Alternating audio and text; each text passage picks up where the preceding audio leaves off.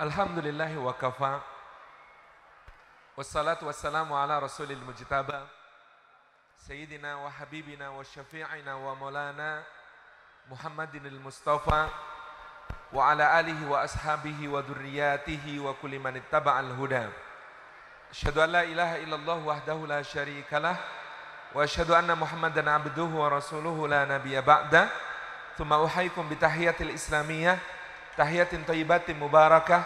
Tahiyatin min indillahi tahiyati alil jannah. Assalamualaikum warahmatullahi wabarakatuh.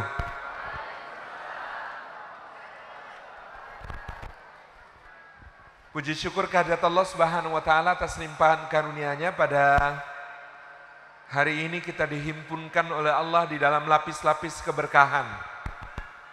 Berkah di dalam tempatnya di rumah Allah Mudah-mudahan setiap langkah yang kita tempuh menuju ke tempat ini menggugurkan dosa kita, meninggikan derajat di sisi Allah Subhanahu wa taala dan menjadi pemudah jalan kita semua menuju surga.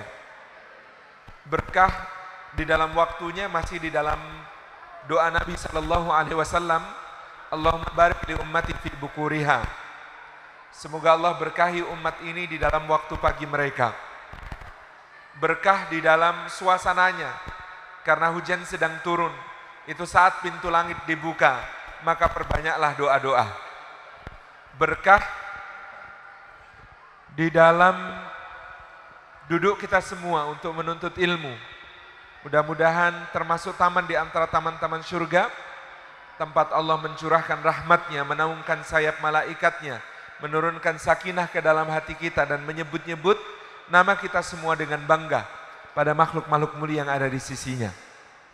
Bapak Ibu yang dirahmati oleh Allah Subhanahu wa taala, Allah Azza wa Jal menjadikan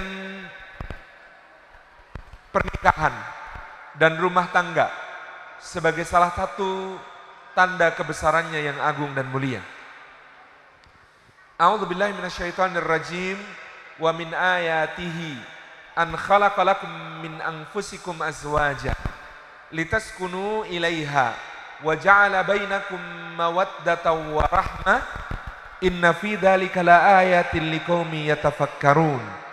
Sadaqallahul adzim dan di antara tanda-tanda kebesarannya Allah Subhanahu wa taala tanda kebesaran yang tidak kalah agung tidak kalah besar dari penciptaan langit dan bumi dari silih bergantinya malam dan siang, dari pengisaran angin, awan, dan hujan, dari penciptaan manusia dari seorang ayah dan ibu menjadi berbangsa-bangsa, bersuku-suku, berbeda warna kulit dan bahasa, menyebar ke seluruh penjuru dunia.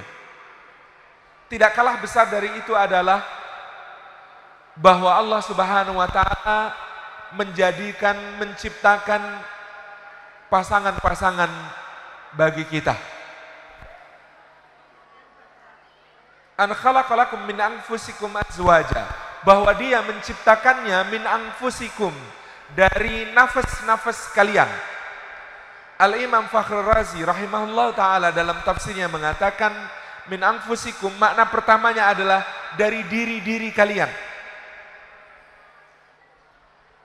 Jadi ini adalah tanda kebesaran Allah, maka aroma surga di dalam pernikahan, di dalam rumah tangga, pertama-tama bersyarat, yaitu bagi orang-orang yang menjunjung tinggi pernikahan, yang memuliakan pernikahan, yang menganggap pernikahan sebagai sesuatu yang sangat agung di sisi Allah Subhanahu wa taala. Sebab kita telah menghalalkan sesuatu yang haram dengan namanya Allah. Sebab dia adalah cara Allah menjaga kelangsungan jenis manusia. Sebab pernikahan adalah janji Allah Subhanahu wa taala bahwa bumi ini akan dipusakai oleh hamba-hambanya yang salih. Satu lembaga gereja merilis satu video yang menarik. Dalam video itu ditampilkan ibu-ibu sekalian, angka kelahiran di Eropa sedang jatuh. Orang Perancis itu rata-rata memiliki 1,2 anak per keluarga, berarti 12 anak per 10 rumah tangga. Padahal untuk sebuah peradaban bertahan diperlukan minimal angka 1,8 alias 18 anak per keluarga. Sedangkan angka kelahiran pada keluarga-keluarga imigran Maroko, Senegal, Tunisia, Aljazair yang datang ke Prancis sangat tinggi, 8,2, 82 anak per 10 keluarga. Jadi ibu-ibu bisa bayangkan, kira-kira 20-30 tahun yang akan datang, wajah orang Prancis itu lebih banyak yang seperti Karim Benzema, bukan François Hollande.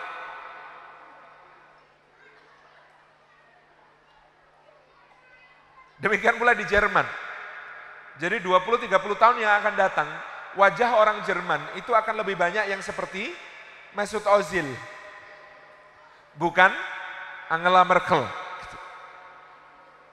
Jadi Allah Subhanahu wa taala memenuhi janjinya dalam surah Al-Anbiya walaqad katabna fi zaburi min ba'di dzikri annal arda yarithuha ibadiyas salihun. Bahwasanya telah kami tulis di dalam Zabur yang dianugerahkan kepada Daud alaihissalam setelah apa yang tertulis di Lauhil Mahfud dan kurun, kemudian turun sebagai Al-Qur'anul Karim bumi ini akan dipusakai oleh hamba-hamba Allah yang salih. Orang Jepang sedang bingung, Pak. Negatif population growth minus piramida penduduknya tua. Lebih dari 60 persen penduduk Jepang berusia di atas 45 tahun. Anak mudanya sedikit. Generasi mudanya malas menikah. Karena menikah itu beban sosial. Malas punya anak. Karena anak itu, kata mereka, buat apa membesarkan orang yang kalau nanti kita sudah tua, dia akan mengirim kita ke panti jompo. Lebih baik pelihara anjing. Anjing lebih setia daripada anak. Contohnya Hachiko kalau punya suka nonton film gitu ya. Subhanallah. Annal ardo yarithu ibadiyas salihun. Agungnya cara Allah menjaga bumi, cara Allah menjaga manusia. Hafdun nasal. Jadi menjunjung tinggi pernikahan, mengagungkan pernikahan, memuliakan pernikahan adalah prasyarat utama. Mengakuinya sebagai di antara tanda kebesaran Allah adalah prasyarat utama hadirnya aroma surga dalam rumah tangga. Kata Imam Al-Fahrul Razi, min angfusikum, maknanya dari nafas-nafas kalian, dari diri-diri kalian. Wahai para suami, hadis riwayat Imam Al-Bukhari, Nabi Sallallahu Alaihi Wasallam mengatakan, sesungguhnya Allah menciptakan Hawa dari bagian tubuh Adam yaitu rusuknya sebelah kiri. Tapi bapak-bapak tidak perlu mencari rusuknya hilang berapa. Tidak ada yang hilang pak. Karena diambil itu tidak seluruh bagian rusuk kirinya. Lawang teknologi cloningnya manusia bisa dari satu sel ditumbuhkan jadi individu utuh. Pastilah di sisi Allah hal itu jauh lebih mudah. Jadi dari rusuk kiri, dari bagian dirinya, maka laki-laki adalah belahan tidak terpisahkan dari perempuan mereka masing-masingnya bukan sosok yang sempurna. Sebab justru mereka diciptakan tidak sempurna agar kemudian menjadi pasangan yang saling menyempurnakan. Maka dikatakan dalam sebuah syair, bukan dari tulang ubun dia dicipta, sebab berbahaya menjadikan wanita hanya disanjung dan dipuja. Juga bukan dari tulang kaki, sebab tidak layak menjadikan dia diinjak dan diperbudak, tetapi dari rusuk kiri dekat ke jantung hati untuk dicintai, dekat ke tangan untuk dilindungi. Min anfusikum. Yang kedua, min anfusikum dari nafas-nafas kalian itu juga bisa bermakna dari jiwa kalian. Hubungan suami istri pertama-tama adalah hubungan kesejiwaan Cinta itu bukan karena pendekatan tekun atau kebersamaan yang lama semata-mata, tapi cinta itu anak kecocokan jiwa. Dalam bahasa Nabi Shallallahu Alaihi Wasallam, Al arwahu junudum mujannadah. Ruh-ruh itu seperti pasukan yang ada dalam kesatuan-kesatuan.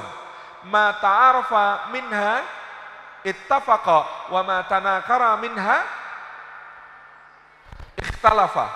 Atau dalam lafaz lain, ma ta'arafa minha iktalafa wa ma tanakara minha ikhtalafa. Roh-roh itu seperti pasukan dalam kesatuan-kesatuan. Kalau mereka saling kenal, mereka mudah bersepakat dan saling bertaut. Dan kalau mereka tidak saling kenal, maka mereka mudah untuk berselisih. Pasukan itu satu sama lain dalam kesatuan, meskipun terhalang bukit, tapi kalau sandinya nyambung, mereka mengatakan, oh temen, aman, iktalafa, ittafaqa. Mereka sepakat, mereka bisa saling bertaut. Padahal terhalang bukit, tidak saling melihat. Gara-garanya apa? Sandinya nyambung. Gimana kok tahu sandinya nyambung? Tadi saya nembak tiga, dijawab lima. Saya nembak empat, dijawab empat. Saya nembak dua, dijawab enam. Padahal kita sudah sepakat, pasukan kita sandinya jumlah tembakan sama dengan delapan. Berarti teman. Tetapi meskipun sudah saling berhadapan, jarak dekat, bahkan mungkin personelnya saling kenal gitu, kalau kemudian sandinya nggak nyambung, tidak dijawab dengan benar, baku tembak. Bro. Kenapa? Sandinya nggak nyambung ini. Bukan teman. Nah, apa yang membuat ruh manusia yang satu dengan yang lain saling kenal? Iman.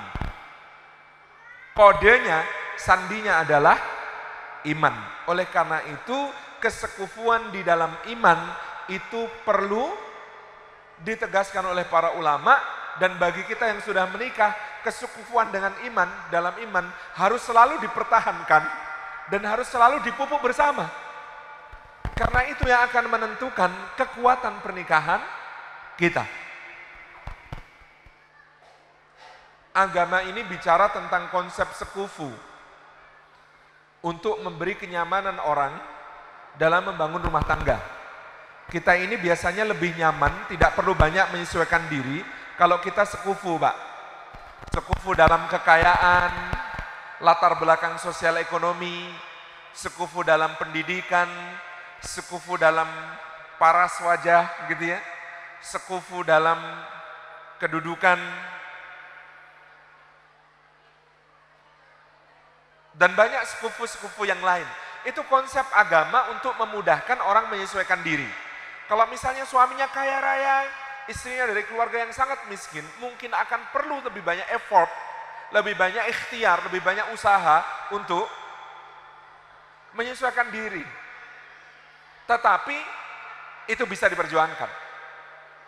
Kalau beda pendidikan, istrinya lulusan S3 dari Jerman, suaminya lulusan SD dari yang agak pedalaman mana ini? Apa itu? Singa gewe. Singa gewe. Saya nggak tahu loh. Dokter Ade yang kasih tahu. Misalnya begitu ya. Suaminya lulusan SD, istrinya S3. Masih bisa kufu nggak itu? Secara pendidikan tidak, tapi masih bisa diperjuangkan. Suaminya mungkin bilang sama istrinya, Dek, kalau bicara sama aku pelan-pelan ya dek, soalnya aku loadingnya lama. Suaminya mungkin mungkin begitu. Istrinya kemudian mengatakan, iya mas insya Allah saya akan usahakan. Tenang aja mas, nggak usah kemudian minder. Wong saya ini cuma S3. Nanti masnya beli Samsung aja, Samsung sudah S7. Kan sekarang itu smartphone stupid people gitu ya. Handphonenya pinter, orangnya makin bodoh. Subhanallah.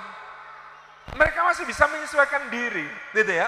Ada suami istri, suaminya ganteng sekali, mantan foto model, cover majalah, flora fauna, gitu kan.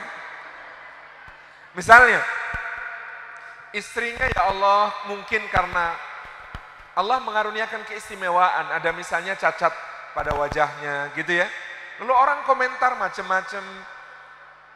Tetapi mereka ternyata bisa menyesuaikan diri. Why not? Gitu. Kenapa enggak? Orang kata suaminya, saya ini ahli bersabar, dia ahli bersyukur, kami memadukan keimanan gitu ya. Dia dapat saya syukur, saya dapat dia sabar. Bagus gitu. Tapi kalau soal agama, soal agama, ini saya lihat ada yang masih bujang juga sepertinya. Soal agama ini tidak boleh lepas dari pertimbangan.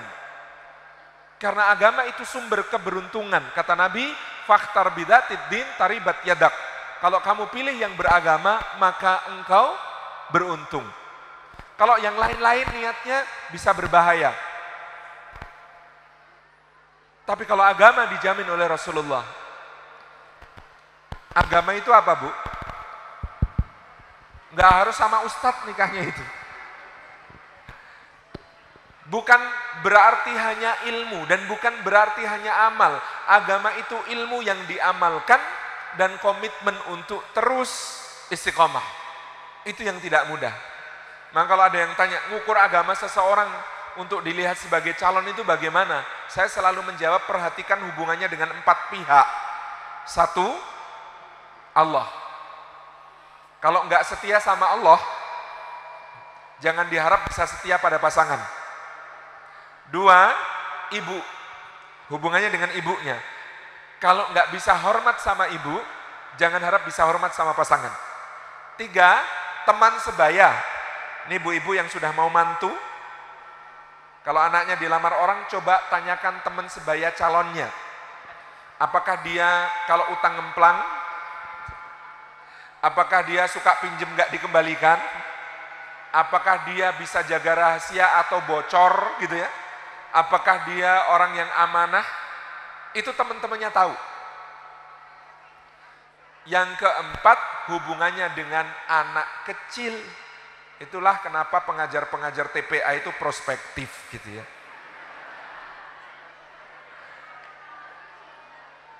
Agama.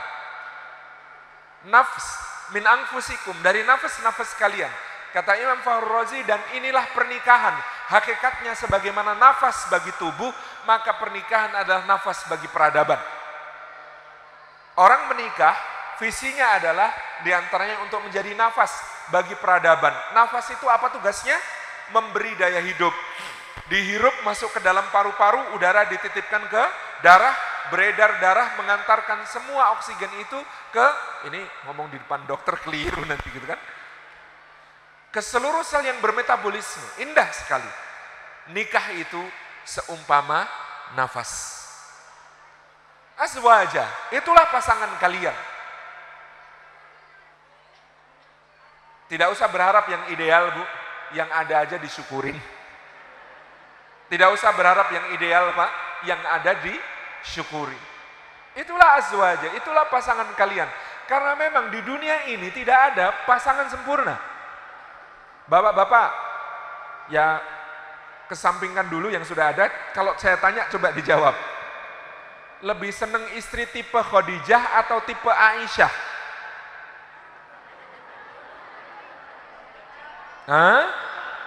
Bu ibu, anda-anda itu tipe Khadijah apa tipe Aisyah? Gabungan keduanya. Ngaku-ngaku banget. Gabungan sifat jeleknya. Emang ada, subhanallah gitu. Ada orang suka tipe Khadijah gitu ya. Lembut, keibuan, baik hati, tidak sombong, gemar sodakoh gitu ya penuh perjuangan, penuh pengorbanan, mendukung suami gitu ya. Luar biasa Pak. Mau yang tipe Khadijah begitu Pak. Yang di rumah sudah kayak Khadijah Pak. Tapi Nabi SAW itu lelaki sempurna loh. Pasangannya Khadijah. Sempurna enggak? Kalau kita ditanya, kayak Nabi, mau enggak sama yang 15 tahun lebih tua? 15 tahun lebih tua. Bapak-bapak yang mau nambah 15 tahun lebih tua. Subhanallah. Atau tipe Aisyah, Pak? Mau ya, Pak ya? Muda, energik, cantik, gitu ya? Bisa diajak lomba lari. Riwayat-riwayat tentang Aisyah itu nonton berdua, duduk di pangkuan, pipi nempel pipi. Uh, kan indah sekali begitu. Mau yang kayak Aisyah? Tapi nanti coba tolong dibayangkan, Bapak sedang terima tamu, lalu tamunya disuguhi makanan di atas pinggan, piring besar gitu ya. Terus dia cemburu, keluar dari kamar, jreng, jreng, jreng, jreng, ambil piring, banting di depan tamu, prang gitu. Kuat punya istri begitu. Itu Nabi Shallallahu Alaihi Wasallam. Bayangkan, jadi lagi ada tamu, tamunya disuguhin makanan, kebertepatan makanannya bikinan istri yang lain dalam satu riwayat Sofiyah atau Zainab begitu. Padahal itu di rumah Aisyah yang punya rumah tersinggung. Di rumah gue, tamunya gue, enak aja lo yang nyuguh gitu kan. Keluar, piring dibanting, perang. Kalau bisa kuat kayak Rasulullah, monggo. Apa kata Rasulullah? Lihat tamunya melongo semua itu. Gharat umukum. Maaf ya, ibu kalian sedang cemburu. Cuma ngomong begitu. Nggak ada kemudian berdiri marah-marah, woi dasar istri nggak tahu diri gitu.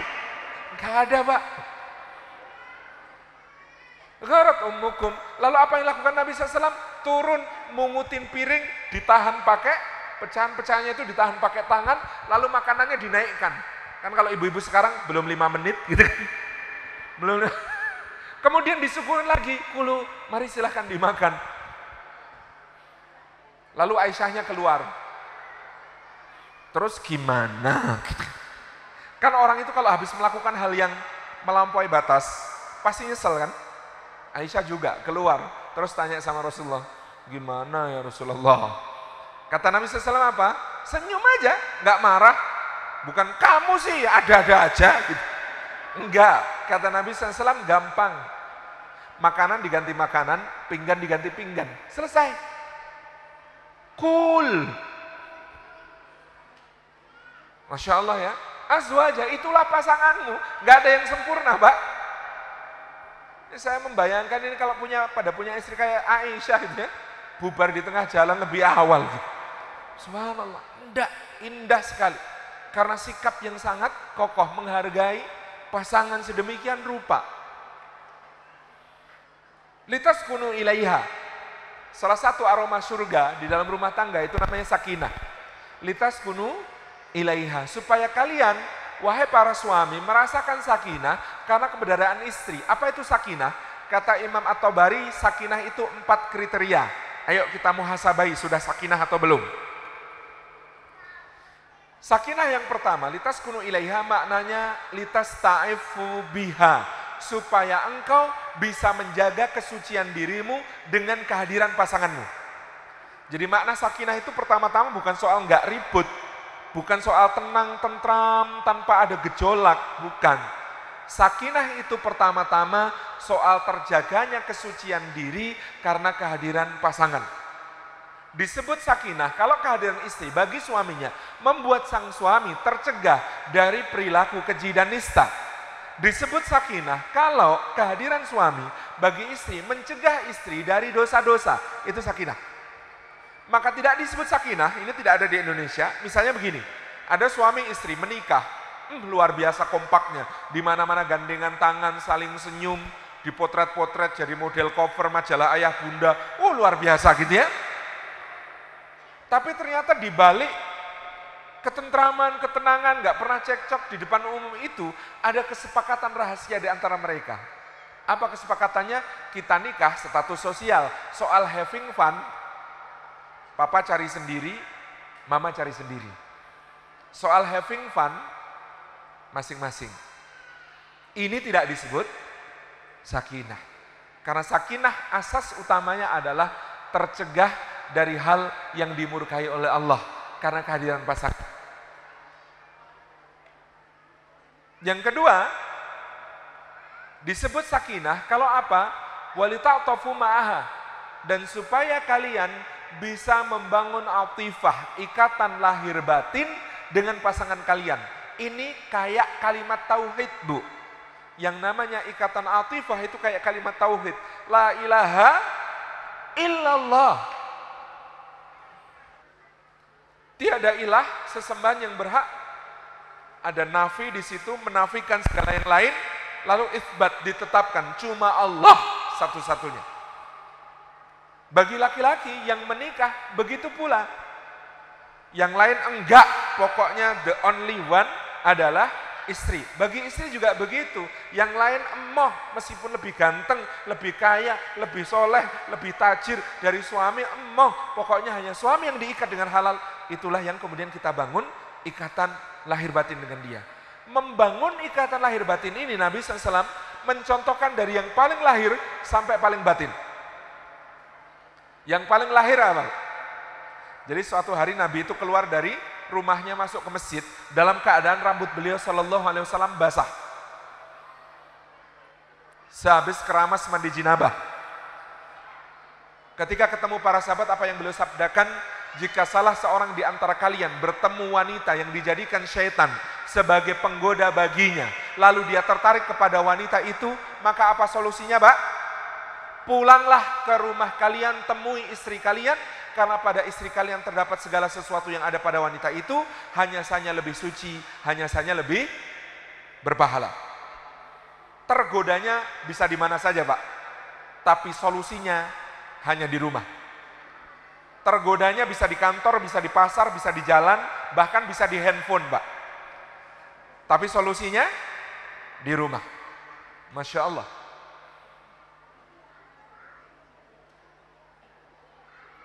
Maka inilah membangun ikatan itu. Karena sesungguhnya banyak orang tergoda apalagi yang bujang-bujang itu. Kalau pulang repot, ketemu siapa memang di rumah. Maksud saya begini, Pak, Pak, kalau kita puasa ya, jam 12 siang, itu es dawet tampak cantik sekali apalagi es buah warna-warni begitu indah gitu ya. Jam 12 siang. Tapi kalau sudah saatnya berbuka puasa teh panas setengah gelas sama kurma satu butir. Gelek hawa nafsu kepada yang tadi semua hilang. Artinya apa pak? Saya tidak menyamakan loh ya. Godaannya kayak es buah sama es cendol terus yang di rumah kayak teh panas gitu ya tetapi ini menunjukkan hakikat sebenarnya syahwat kita itu yang berkobar itu memang Allah SWT sediakan solusi yang begitu sederhana. Mas-mas itu boleh tertarik sama yang cuantiknya kayak apa, silahkan. Tetapi yang bikin tentram itu bukan cantik, bukan warna-warni, apalagi pewarnanya berbahaya. Apalagi pemanisnya buatan yang bikin tentram itu kehangatan teh.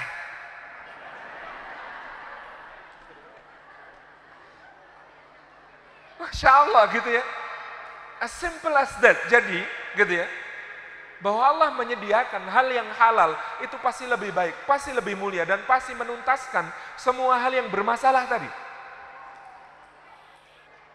Maka ibu-ibu itu disarankan oleh Nabi kalau suami pulang tidak pada waktu biasanya,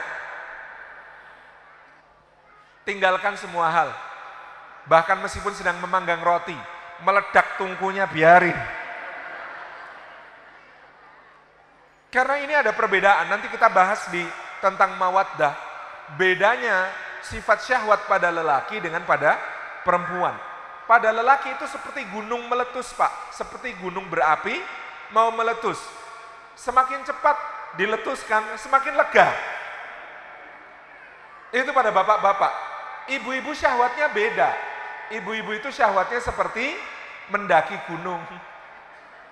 Naik, naik ke puncak gunung, tinggi, tinggi sekali. Itu kan dinikmati kan? Lihat pohon cemara. Macam-macam itu kan panjang prosesnya. Maka diseimbangkanlah itu pada ibu-ibu diperintahkan kalau suami pulang mendadak laksanakan segera, tapi sebaliknya suami diperintahkan oleh Allah dan Rasulnya untuk apa?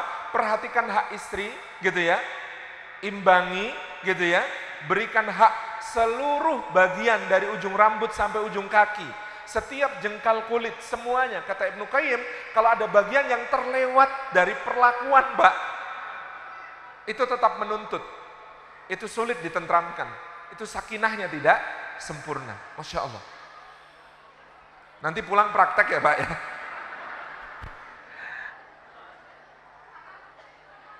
Walita tafumaha, membangun atifah Pak. Membangun atifah ini luar biasa. Sampai pada setiap gerak hati kita melihat berbagai fenomena. Kalau saya dulu suka berpuisi kan, makanya saya bilang kalau ngisi banyak ibu-ibu dan remaja putri itu, zaman dulu saya SMS sama istri, istriku, di hadapanku ada ratusan bidadari, gemerlapan bagaikan bintang gemintang. Tapi andai kau hadir di sini istriku sayang, mereka semua akan terbenam hilang. Seperti bintang-bintang tak tampak lagi ketika mentari terbit meninggi. Istriku, kaulah matahariku. Dibalas bu, oh jadi aku panas gitu. Gombal yang gagal itu gitu. Tapi ini upaya membangun atifah itu, membangun ikatan lahir batin. Bapak-bapak, saya tanya, kapan terakhir kali mengucapkan I love you kepada istri? Tadi malam. Pasti sebelum ya Pak ya. Ibu-ibu, kapan terakhir kali mengucapkan I love you kepada suami? Udah lama. Udah lupa kapan gitu. Ini, ini ada hal yang perlu kita luruskan. Sebagian kita merasa cinta itu dengan bukti perbuatan saja. Tidak perlu verbal-verbalan. Tidak perlu diomong-omongkan. Bener nggak? Kalau kita sudah nikah 15 tahun gitu ya. Lalu masa sudah 15 tahun nikah pakai I love you, I love you one. Ah, malu-malu instat. Kan dia itu sudah tahu kalau saya mencintainya. Buktinya 15 tahun saya pulangnya ke sini terus, nggak pernah pulang ke tempat lain. Itu bukti saya cinta sama dia. Tapi begini bapak-bapak ibu-ibu, saya tanya, Allah itu maha tahu isi hati enggak? Maha tahu ya? Allah itu maha tahu isi hati enggak? Tahu ya? Kalau kita cinta sama Allah, Allah tahu enggak? Tahu. Nah, Allah yang maha tahu isi hati kita, itu masih memerintahkan kepada orang-orang yang mengaku cinta dan percaya kepadanya untuk mengungkapkan cinta sehari semalam itu minimal secara verbal 15 kali, eh 17 kali, nggak boleh dibatin. Di mana itu? Setiap rakaat sholat di surat Al-Fatihah. Alhamdulillahi Rabbil Alamin kata Ibnu Qayyim itu ungkapan cinta. Ar-Rahmanir Rahim ungkapan harap. Malik Yaumiddin ungkapan takut iman seorang mukmin sempurna karena dia cinta, dia berharap dan dia takut kepada Allah. Nah berarti sehari semalam kita ini diwajibkan mengungkapkan cinta secara verbal kepada Allah 17 kali Pak. Padahal Allah maha tahu isi hati. Nah kalau istri yang tidak tahu ini, yang bukan ahli kebatinan ini, yang tidak bisa menebak isi hati ini, maka mereka sebenarnya menghajatkan lebih dari 17 kali sehari. Mau dijamak juga boleh. I love you, I love you, I love you, I love you. Tetapi ungkapkan secara verbal, lita'tafu ma'aha, supaya kalian bisa membangun atifah, ikatan lahir batin.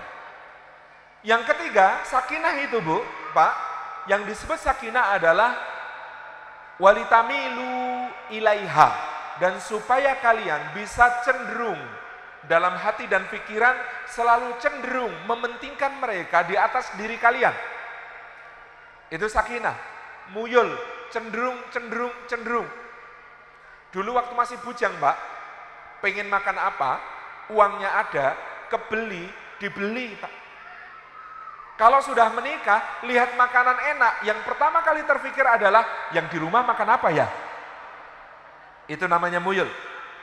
Dulu ketika belum menikah mbak, punya uang, ada gadget baru keluar, kamera baru, handphone baru, laptop baru, apa baru begitu ya. Atau kalau zamannya bapak-bapak dan ibu-ibu, pager baru. Masih ingat pager? Teknologi yang gagal. Bentar banget masa edarnya gitu ya. Jazakallahu anna khairan, at'amakallahu khairan, wa zawajakallahu bikran. Jadi yang kepikir pertama kalau masih bujang beli, beli. Tapi kalau sudah menikah, istri saya apa ya kebutuhan kemarin yang belum ya? Anak-anak apa ya kebutuhan kemarin yang belum ya? Kalau itu sudah semua baru mikirin tentang itu. Itu namanya muyul.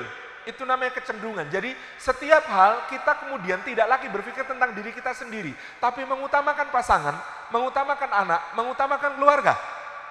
Litamilu ilaiha. Ya, kalau sudah begitu bu, pak, lama-lama suami istri itu makin mirip. Kalau nggak mirip, nggak usah kecewa pak. Makin mirip, tetapi kemudian yang lebih esensial adalah lama-lama kalau muyulnya ini kuat masing-masingnya, kita bisa berkomunikasi tanpa bicara, kita bisa saling mengerti tanpa kata. Ada suami berangkat sholat Jumat, Bu. Itu zaman di mana belum ada BBM, belum ada WhatsApp, apalagi lain. Zaman itu baru ada SMS. Sang suami berangkat sholat Jumat, handphonenya ditinggal di rumah. Sedang direcharge, diisi ulang baterainya. Istrinya SMS, karena tahunya suaminya bawa handphone. Mas, nanti kalau pulang, beli bakso ya dua bungkus yang dekat masjid itu loh. Hitung-hitung nostalgia, mumpung anak-anak belum pulang. Kan kita dulu waktu belum ada anak-anak suka makan berdua di sana. Istrinya pesan begitu. Masuk ke handphone suaminya yang sedang dicas di dalam kamar. Suaminya bakda sholat bakdiah Jumat, salam, assalamualaikum.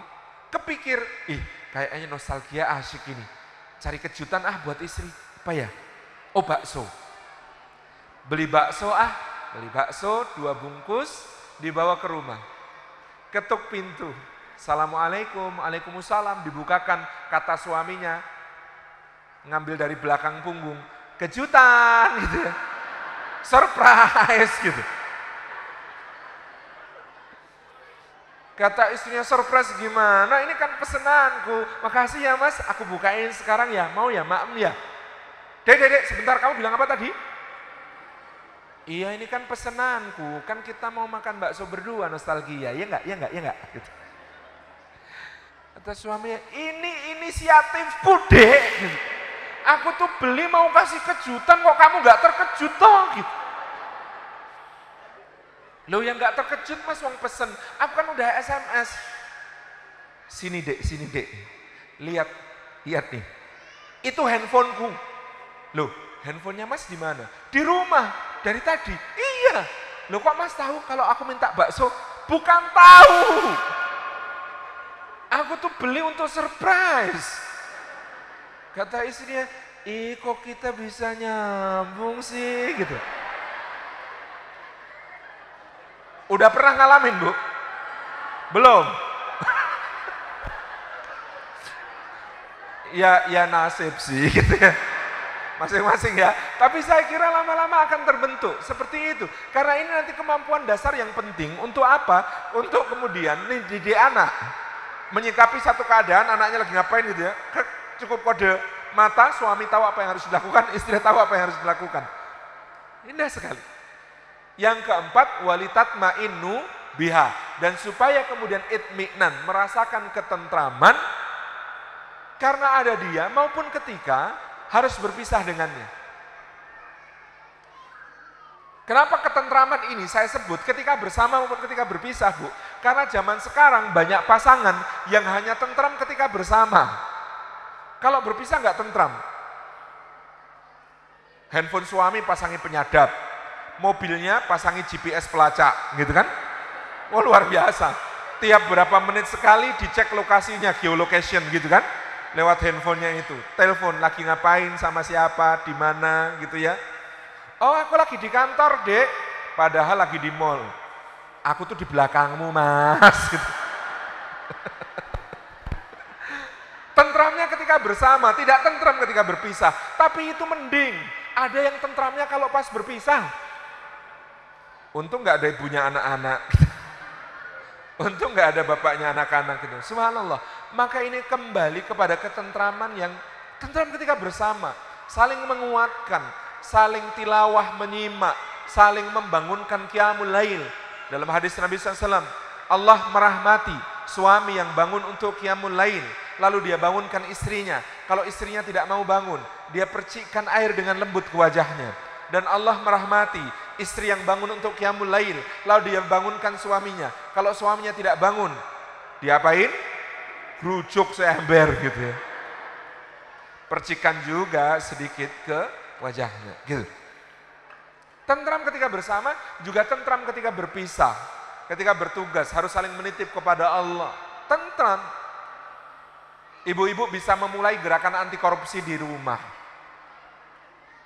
Setiap kali suami pergi, untuk bekerja, cium tangannya. Kemudian katakan kepada suami, selamat berjuang abang sayang. Nanti kalau pulang, jangan bawa kecuali yang halal ya bang. Kami ini insya Allah masih kuat kalau disuruh sabar lapar. Tapi kami nggak akan kuat kalau disuruh sabar menghadapi api neraka. Selamat berjuang kesatriaku, I love you. Ini gerakan anti korupsi bu, di rumah pagi hari laksanakan tolong. Karena di luar sana ada banyak gerakan pro korupsi juga pagi hari. Bunyinya gimana? Mas tahu nggak sebelah itu eselon 3 mas. Mas tuh eselon 2. Sebelah lima tahun ini sudah ganti mobil dua kali loh mas.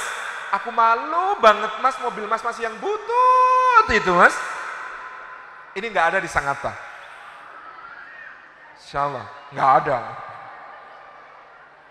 Ya kalau keluar dikit nggak ada. Ini subhanallah ya, ini menjadi indikator tadi sakinah. Jadi berapa persen Bu sakinahnya? Berapa persen Bapak-bapak sakinahnya? Subhanallah ya, ini evaluasi kita tentang sakinah. Wa ja'ala bainakum mawaddatan. Kata Allah Subhanahu wa taala kemudian bahasan kedua, aroma surga kedua namanya mawaddah.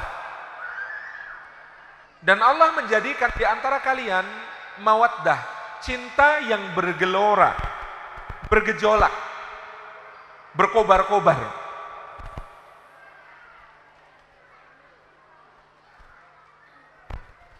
Bedanya dengan sakinah, dalam mawaddah dan nanti rahmah ada kata wa ja'ala bainakum.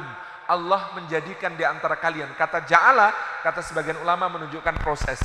Proses itu memiliki syarat yaitu ilmu dan keterampilan. Maka Ustadz Cahyadi Takaryawan di Jogja Family Center bersama teman-teman konsultan itu ya, konseling di Jogja Family Center itu banyak rumah tangga bermasalah bukan karena kurangnya cinta. Bukan sama sekali karena kurangnya cinta, tapi kurangnya ilmu untuk mengekspresikan cinta bukan karena salah satu atau dua-duanya bermaksud buruk. Konflik sering terjadi karena sama-sama bermaksud baik tapi tidak tahu ilmu. Apa ilmunya? Bapak Ibu sekalian, kita ini sejak kecil didoktrin untuk mencintai orang lain sebagaimana mencintai diri kita sendiri. Iya enggak? Cintailah orang lain sebagaimana engkau ingin dicintai. Kan gitu? Itu berlaku untuk cinta sejenis. Kok kalimatnya jadi nggak enak ya? Maksud saya ukhuwah. Jadi antara teman-teman akhwat, ummahat gitu ya. Ini berlaku. Cintai orang lain sebagaimana engkau ingin dicintai. Antara ikhwan, bapak-bapak, ukhuwah berlaku. Cintai orang lain sebagaimana engkau ingin dicintai. Tapi dalam hubungan suami istri ini tidak berlaku. Kenapa? Walaisal zakaru kal untha laki-laki itu berbeda dengan perempuan, tidak sama dengan perempuan. Di mana ketidaksamaannya? Banyak. Dokter Adi lebih bisa menjelaskan secara anatomi, fisiologinya, hormon yang bekerja padanya, gitu ya. Sampai kemudian tentu saja itu berpengaruh pada psikisnya. Benar nggak dok kalau antara uh, belah otak kiri dengan kanan, korpus kalosumnya lebih banyak pada perempuan? Benar. Jadi ini ada belahan otak kiri, otak kanan, penghubungnya ada jaringan namanya korpus kalosum. Itu jumlah pada ibu-ibu lebih banyak daripada pada bapak-bapak. Apa konsekuensinya? Wallahu alam bisawab. Mungkin salah satunya adalah dengan itu ibu-ibu itu ternyata lebih hebat soal multitasking daripada bapak-bapak yang single tasking. Bapak-bapak itu ayatnya faida farokta fangsab. Kalau kamu selesai satu urusan, maka kerjakan sungguh-sungguh urusan yang lain sampai tuntas. Itu ayat bapak-bapak. Karena farokta, laki-laki. Tapi perempuan itu luar biasa, Masya Allah. Bisa menyusui anak gitu ya, sambil menyiapkan bubur, sambil memasak sop, sambil update status, sambil nonton utaran, sambil terima telepon. Luar biasa. Iya Bu, dahsyat. Ini kalau kemudian ibu-ibu mengira bahwa suaminya juga multitasking seperti dirinya, bisa jadi tekanan batin. Contoh, Mas, tolong ruang depan disapu ya Mas, mau ada arisan nanti sore. Terus itu meja sama kursinya dipinggirkan aja. Lalu nanti di tengah gelarin karpet ya Mas tapi astagfirullah, karpet kita itu sudah pada jelek ya mas. Nanti kamu pinjem aja tikar ke Bu RT ya mas ya. Sudah tahu mas alamat Bu RT yang baru. Itu loh deketnya Bu Joyo itu loh mas. Yang nanti aku juga pesan lemper di Bu Joyo. Jadi nanti kamu ke Bu RT sekalian ambil lemper ke Bu Joyo. Kalau ambil jumlahnya 50 mas, jangan mau dilebihin. Bu Joyo itu suka nambah-nambahi. Terus nanti juga mas, aku tuh mau bikin teh panas. Jumbo kita di rumah itu, itu sudah nggak bagus ya mas. Kamu pinjem punya ibu ya, nanti jadi dari Bu Joyo mampir rumah ibu. Di rumah ibu itu ada yang warna pink, ada yang warna hijau. Nah, pilih yang warna hijau ya mas ya. Terus habis itu, kan itu galon kita juga habis mas. Aku mau masak bingung ini mas, nanti beli galon ya mas yang di, jangan yang di minimarket itu. Kalau bisa kan gerakan belanja ke warung tetangga mas. Tapi di Bu Narto itu sering nggak ada ya mas. Gimana ya mas? Nanti coba kamu cari alternatif aja mas. Gitu,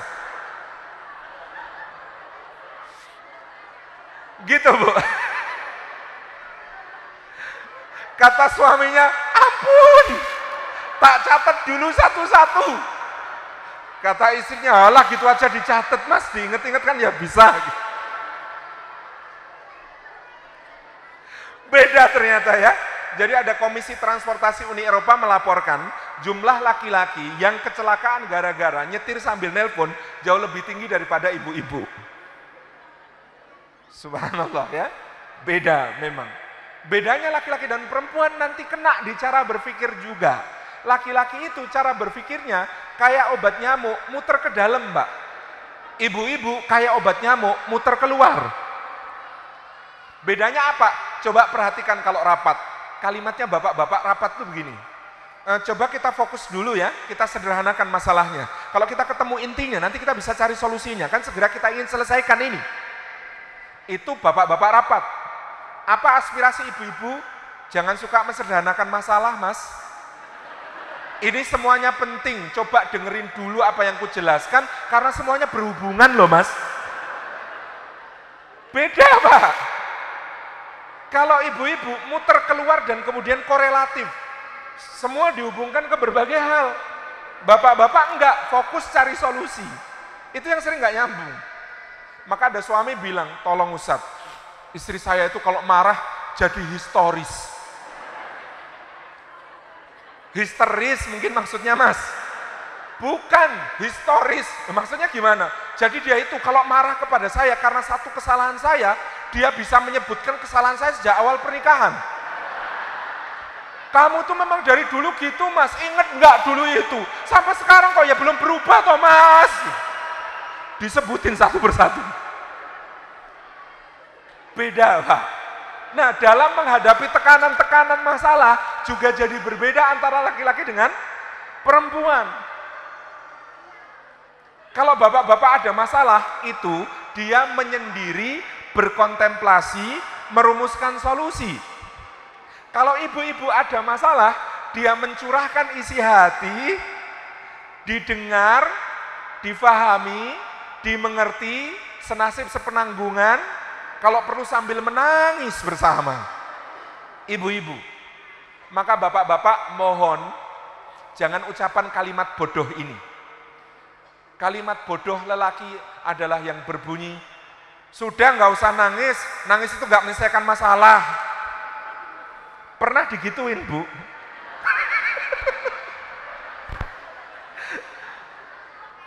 Udah nggak usah nangis, nangis itu nggak menyelesaikan masalah. Iya, Pak, nangis itu memang nggak menyelesaikan masalah. Tapi ibu-ibu pada saat itu memang tidak butuh penyelesaian.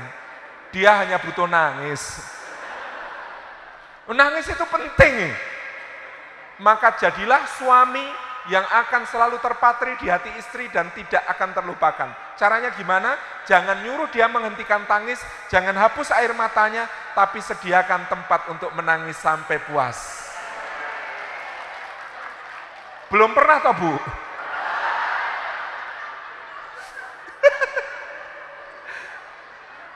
Oke ya, oke.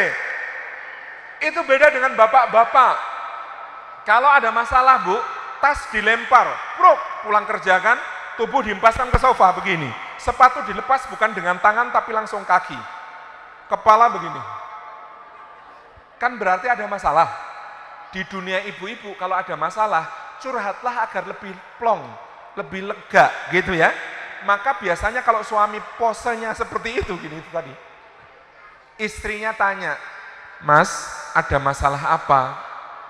Dan jawaban semua suami di dunia ini sama. Enggak kok dek, enggak ada apa-apa. Kata istri, mas aku kalau ada masalah kan juga cerita sama kamu. Masa kamu enggak mau cerita sama aku? Suami bermaksud baik, tidak ingin membebani istrinya karena dia tahu beban istrinya sudah banyak di rumah. Maka dia berkata, enggak kok dek, ini urusan kantor, kamu enggak usah ikut pusing mikirin. Kata istri, oh jadi kamu nggak percaya sama aku. Jadi bagi suami nggak cerita itu maksudnya baik, nggak ingin membebani istri. Bagi istri nggak mau cerita berarti nggak percaya. Jadi kamu kalau nggak cerita sama aku, ceritanya sama siapa, he? Kan gitu. Subhanallah, untung ibunda Khadijah tidak seperti ibu-ibu masa kini. Jadi Anda bayangkan Rasulullah pulang dari dapat wahyu pertama di Gua Hira. Itu kan shock. Kenapa kok shock? Dapat wahyu pertama itu kayak apa ya? Tukang kebun, tiba-tiba diangkat jadi direktur utama perusahaan, kemudian dikasih tahu, Pak, utang perusahaan ini 800 kali lipat nilai aset. kan shock itu, baru mikirin umat kacau nggak karuan, lalu ternyata wahyu pertama turun menugaskan wahai Muhammad, engkau yang ditugasi untuk mengubah dunia. Kan shock. Nabi cerita dalam hadis riwayat Imam Bukhari, aku pulang, jatuh berulang kali, bangun lagi, terantuk-antuk, berkeringat, pucat pasi, gemeteran di depan pintu, notok-notok kemudian mengatakan, Zamiluni ya Khadijah, Zamiluni, selimuti aku wahai Khadijah, selimuti aku. Coba kalau Khadijah kayak ibu-ibu tadi, Astagfirullah mas, ya Allah, ada masalah apa mas? Sini mas cerita mas. Kalau Khadijahnya begitu, Sirah Nabawiyah mungkin akan lain ceritanya. Hebatnya Khadijah pada saat suaminya begitu, apa yang dilakukan? Bawa ke kamar, selimuti, tinggalkan, doakan. Ya Allah engkau lebih tahu tentang dia, maka jaga dia untukku. Karena apa? Khadijah tahu laki-laki itu juga cerita masalah kok bu. Tapi tipe ceritanya berbeda. Ceritanya laki-laki itu, Mi, kemarin di kantor ada masalah loh Mi. Oh ya Allah terus gimana Bi? Tenang, sudah habis selesaikan. Ceritanya kalau sudah sukses diatasi. Itu ceritanya suami. Beda dengan ceritanya istri. Ya Allah mas, aku hari ini capek banget mas Anak-anak rewel, cucian numpuk, piring kotor semua. Tamu berdatangan gak habis-habis, tetangga juga hari ini resek semua gak tahu kenapa. Aku capek, mas capek. Beda kan? Dan suami kadang-kadang gak ngerti. Dia jump to conclusion. loncat ke kesimpulan sambil tetap pegang gadget, melirik sekilas kemudian berkata, sabar ya Mi, insya Allah bulan depan kita cari pembantu. Solutif nggak Pak? Kalau istri kesulitan ngurusin rumah, kita carikan pembantu. Masuk akal nggak? Masuk akal di dunia lelaki. Tapi mendengar dia curhat, tiba-tiba tanggapannya tentang pembantu, istri merasa jadi selama ini pengorbananku tak kau nilai lebih dari kerjaan seorang pembantu. Tega kamu mas. Beda. Cara berpikirnya beda. Apalagi kalau bapak-bapak jawabnya lebih keren lagi. Oh jadi kamu kecapean ngurusin rumah ya dek ya. Tak carikan temen ya dek ya gitu. Oh piring pecah semua itu. Jadi apa kalau ibu-ibu curhat gitu ternyata Anda bisa hemat anggaran dengan cara mendengarkan, menyimak Pak. Nggak usah ikut bantu dulu Pak, simak dulu. Tinggalkan semua gadget, tutup semuanya, fokus sama dia, bikin kontak mata, fahami, dengarkan, simak baik-baik. Iya, ya. Subhanallah. Aku nggak kebayang kalau aku jadi kamu pasti juga nggak kuat deh. Gitu pak. Itu masya Allah bikin istri lega ya Allah suamiku begitu menghargaiku. Begitu memuliakanku dan wanita yang merasa dihargai dimuliakan punya kekuatan setara 50 lelaki. Ini peribahasa Rusia. Wanita yang merasa dimengerti bisa mengerjakan pekerjaan 50 lelaki. Kalau bapak-bapak nggak percaya, suruh istri liburan sendirian tiga minggu. Bapak-bapak ngurusin rumah. Kalau nggak berantakan, silahkan pergi ke Jogja dapat hadiah dari Masjid Joko Karyan. Subhanallah. Luar biasa. Ini saling mengerti, saling memahami. Jadi ibu-ibu keterampilan yang harus dikuasai adalah keterampilan membiarkan dulu suami kalau ada masalah.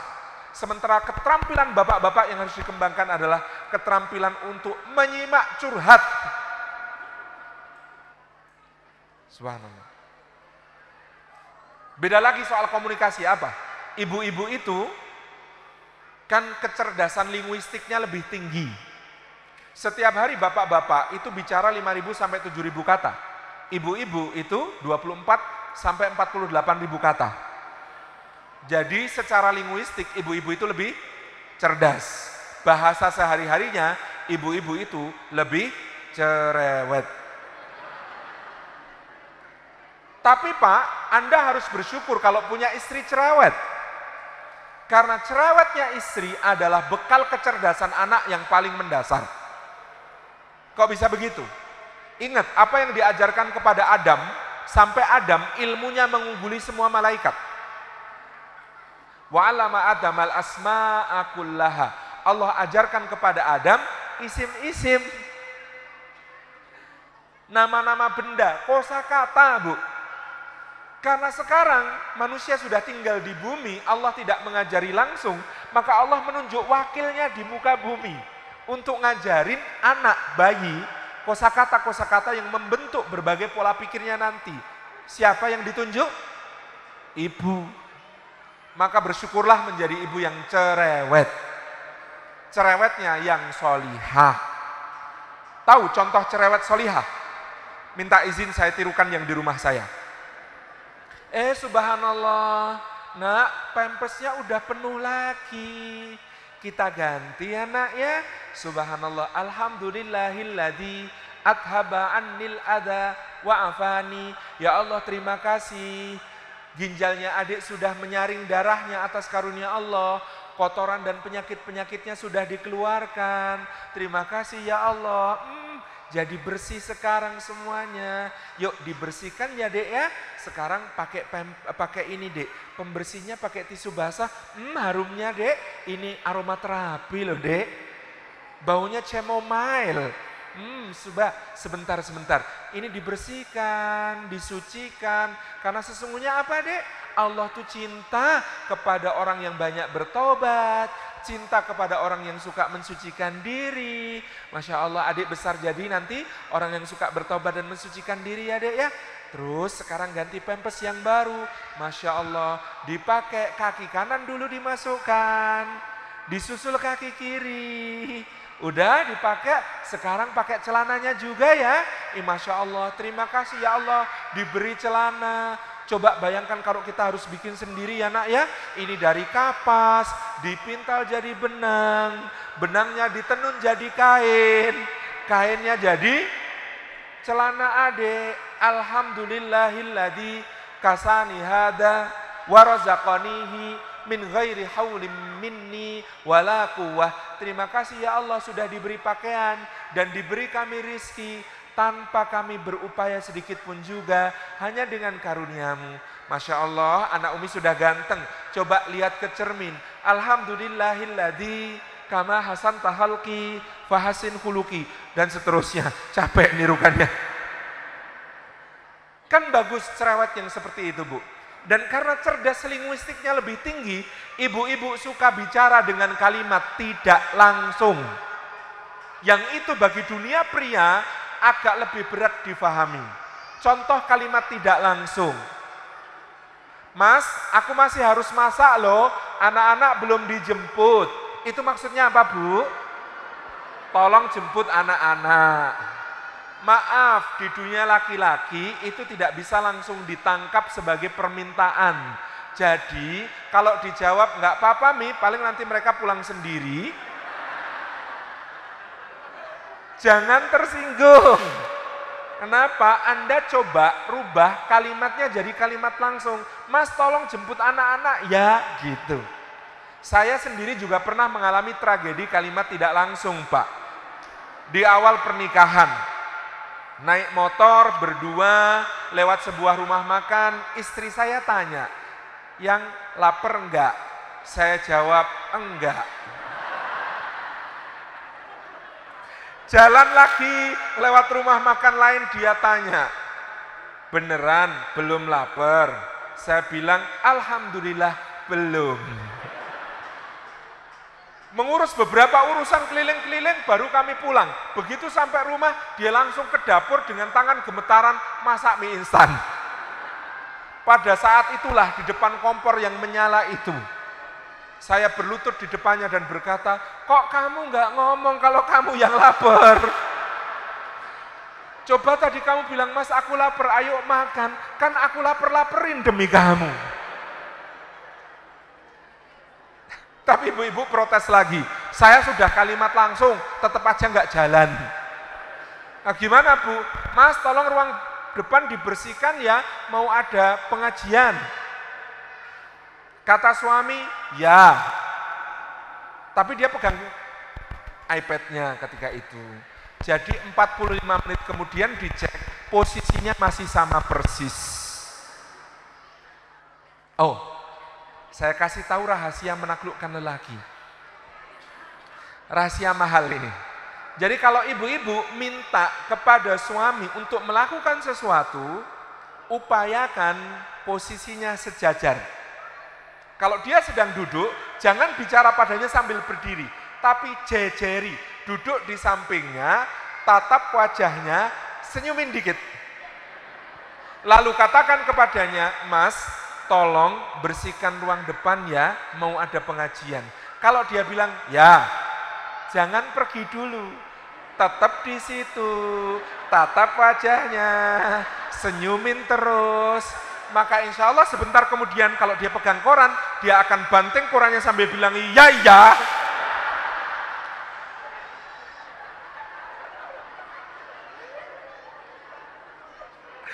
Jadi ini komunikasi bu. Ternyata dalam mawaddah kita memerlukan ilmu dan dasar-dasarnya. Yang kadang selama ini hal-hal sepele gara-gara kita tidak tahu ilmunya menjadi beban bagi rumah tangga kita. Menjadi beban konflik, menjadi beban macam-macam. Dalam menjaga cinta saja berbeda loh laki-laki dan perempuan itu. Laki-laki itu kalau sudah terlalu akrab dengan istrinya, maka dia akan perlu waktu untuk menyendiri memisahkan diri, kegiatannya sendiri. Dan laki-laki itu berhitung, Bu. Laki-laki itu berhitungnya gini, kalau aku sudah nemenin kamu seharian, selama enam hari ini, Mbok ya aku punya waktu untuk diriku sendiri besok sehari aja. Itu laki-laki, ngitung. Kalau ibu-ibu nggak ngitung, ya kalau kau mencintaiku kita harus selalu bersama selamanya. Beda, laki-laki ngitung, ibu-ibu enggak. Cintanya laki-laki kayak karet gelang. Kalau dipancang terus, tegang terus, bisa putus. Maka dia kadang harus dikendurkan, dikencangkan lagi, dikendurkan. Itu laki-laki. Cintanya ibu-ibu kayak gelombang lautan. Kalau pasang ya pasang, surut ya surut. Kalau surut berarti ada masalah. Maka kadang-kadang yang tidak ditangkap, ada suami berusaha apa? dia menyendiri untuk menemukan kembali dirinya. Dalam bahasanya John Gray, orang itu, suami itu, kalau akrab banget sama istrinya, dia akan larut dan mulai kehilangan dirinya. Dia bingung, aku ini suamimu apa temenmu gitu. Maka dia perlu waktu untuk menyesuaikan diri, kembali menemukan dirinya sebagai suami. Masalahnya suami kadang-kadang hal seperti ini nggak pamit. Kalau yang di luar sana ya pergi mancing gitu kan, kalau yang orang sini ya pergi pengajian, soleh-soleh orang Sangatta gitu ya. Pergi pengajian sendiri, nggak ngajak-ngajak, pokoknya pengen pengen ada waktu sendiri gitu aja. Terus nanti pulangnya itu jadi lebih mesra. Tapi ibu-ibu terlanjur berpikiran negatif bahwa ada masalah. Sehingga ketika perginya tidak pamit, kok pulangnya lebih mesra, malah dibilang, apa mesra-mesra, kemarin pergi nggak pamit. Jadi ini berbeda. Hal-hal seperti ini untuk difahami termasuk tadi yang saya sampaikan tentang bahkan secara secara seksual sangat berbeda. Watak syahwatnya antara laki-laki dengan perempuan perlu ilmu, perlu ilmu untuk menjadikannya sebagai harmoni, keselarasan. Mawaddahu. Aroma surga yang ketiga adalah rohmah. Apa itu rohmah? Rahmah itu cinta yang hanya memberi, tak harap kembali, bagai sang surya menyinari dunia. Itu yang disebut rahmah. Berusaha untuk lebih dahulu mengerti tanpa dijelaskan, memahami tanpa menuntut penjelasan, memaafkan sebelum diminta, berprasangka baik meskipun berat. Itu namanya rahmah menghadirkan diri yang terbaik kepada suami, kapan pun. Menghadirkan diri yang terbaik kepada istri, kapan pun. Ini uh, saya mau cerita hal yang menurut saya penting, ini kecil tapi penting.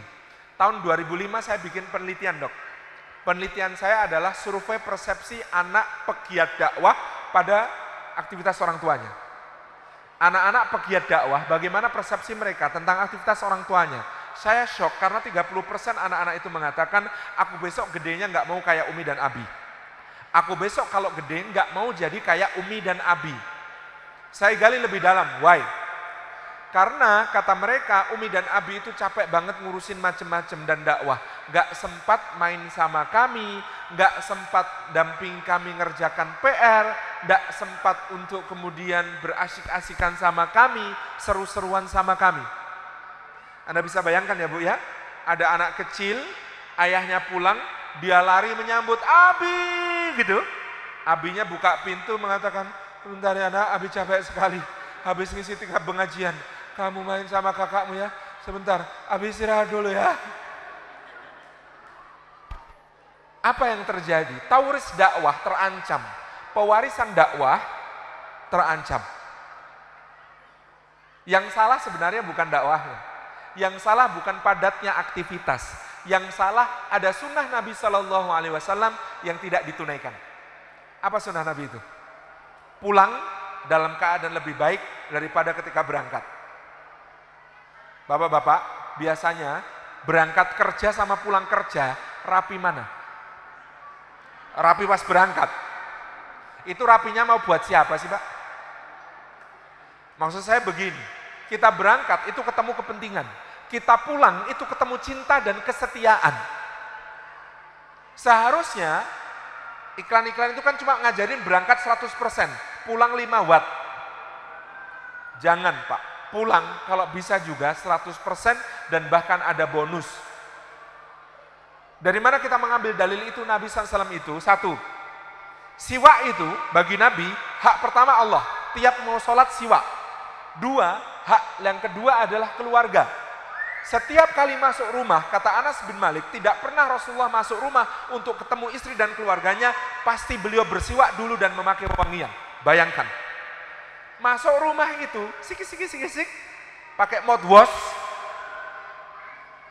dan fresh ke dalam rumah itu untuk bertemu istri. Luar biasa. Dua, dalil yang kedua.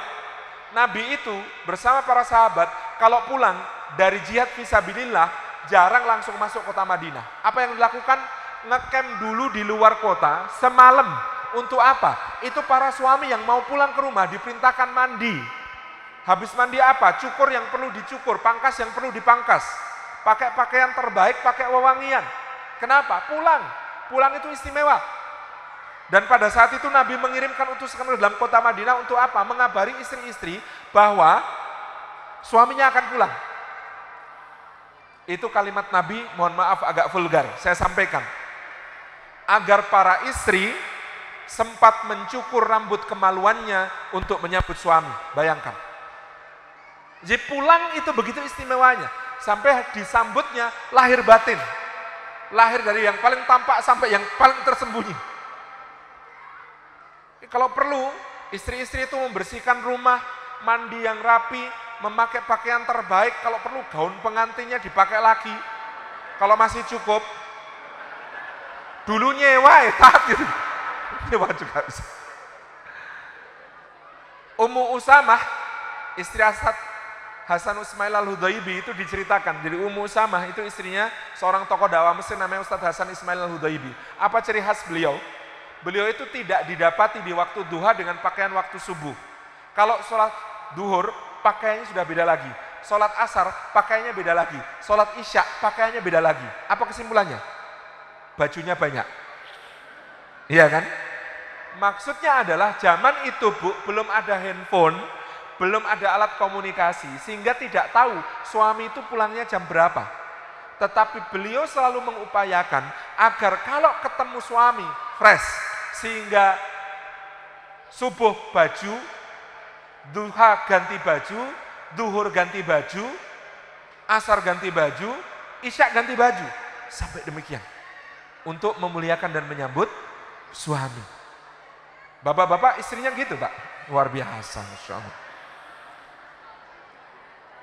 Daster, dasternya tambalan berapa?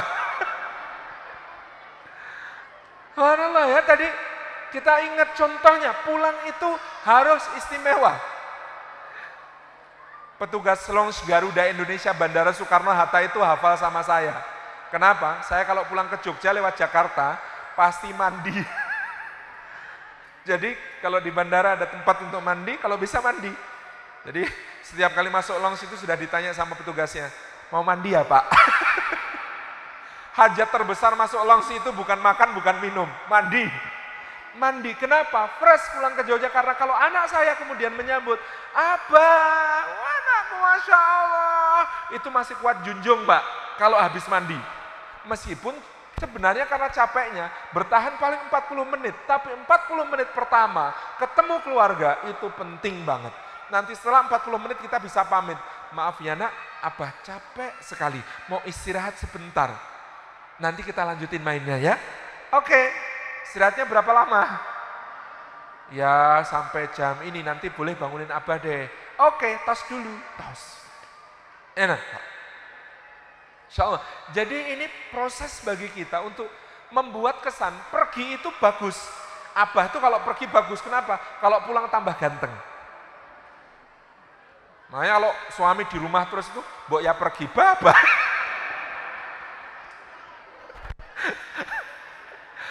Subhanallah ya, karena pulang itu istimewa, karena pulang itu istimewa. Dan ini saya mohon maaf menyinggung soal ini, ibu-ibu, bapak-bapak yang dimuliakan Allah, kajian apa namanya, kajian parenting di mana pun berada itu, selalu keluhannya zaman sekarang anak-anaknya kecanduan gadget, kecanduan game online, kecanduan, pokoknya itu-itu gitu. Mari kita kembali untuk menjadi bapak dan ibu, suami dan istri yang kalau disentuh-sentuh dan dipencet-pencet lebih asik dari gadget.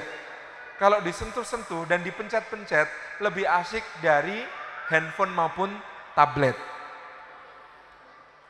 Maka dulu saya itu Pak belajar berbagai alat permainan. Supaya anak saya nggak usah cari alat permainan lain. Main itu pakai bapaknya. Jadi nanti Hilma itu bilang, bah, ayunan bah. Apa itu ayunan?